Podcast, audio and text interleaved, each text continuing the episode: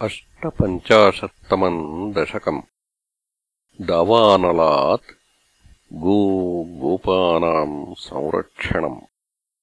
त्वयि विहरणलोले बालजालैः प्रलम्बप्रमथनसविलम्बे धेनवः स्वैरचाराः तृणकुतुकनिविष्टा दूरदूरम् चरन्त्यः किमपि विपिनमैषीकाख्यमीषाम् बभूवुः अनधिगतनिदाघक्रौर्यबृन्दावनान्तात् बहिरिदमुपयाताः काननन्धेनवस्ताः तव विरहविषण्णा ऊष्मलग्रीष्मताप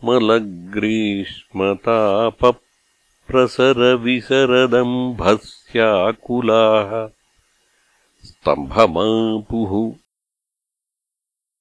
तदनु सहसहायैर्दूरमन्विष्य शौरे गलितसरणिमुञ्जारण्यसञ्जातखेदम् पशुकुलमभिवीक्ष्य क्षिप्रमानेतुमारात् त्वयि गतवति हि सर्वतोऽग्निर्जदृम्भे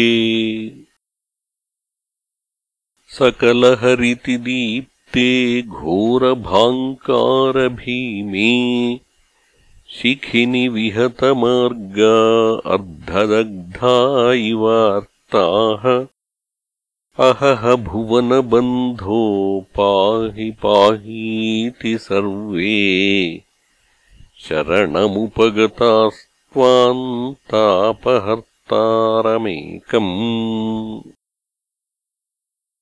अलमलमतिभीत्या सर्वतो मीलयध्वम् दृशमिति तव वाचा मीलिताक्षेषु तेषु क्व नु दवदहनोऽसौ कुत्र मुञ्जाटवीसा सपदि ववृतिरेते हन्तभाण्डीरदेशे। जय जय तव मायाकेयमीस्येति तेषाम् नुतिभिरुदितहासो बद्धनानाविलासः।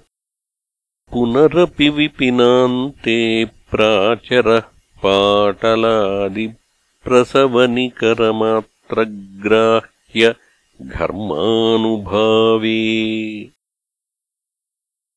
त्वयि विमुखमिवोच्चैस्तापभारम् वहन्तम् तव भजनवदन्तः पङ्कमुच्छोषयन्तम् तव भुजवदुदञ्चद्भूरितेजः प्रवाहम् तपसमयमनैशीर्यामुनेषु स्थलेषु। तदनु जलदजालैः त्वद्वपुस्तुल्यभाभिः विकसदमलविद्युत्पीतवासो विलासैः सकलभुवनभाजाम् हर्षदाम् वर्षवेळाम् क्षितिधरकुहरेषु स्वैरवासी व्यनैषीः। कुहरतलनिविष्टम् त्वाम् गरिष्ठम् गिरीन्द्रः। शिखिकुलनवकेकाकाकुभिः स्तोत्रकारी।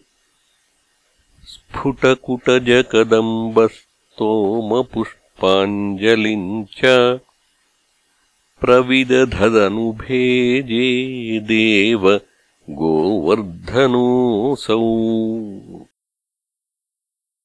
अथ शरदमुपेतान् ताम् भवद्भक्तचेतो विमलसलिलपूराम् मनयन् काननेषु तृणममलवनान्ते चारुसञ्चारयन् गाः पवनपुरपते त्वम् देहि मे देहसौख्यम्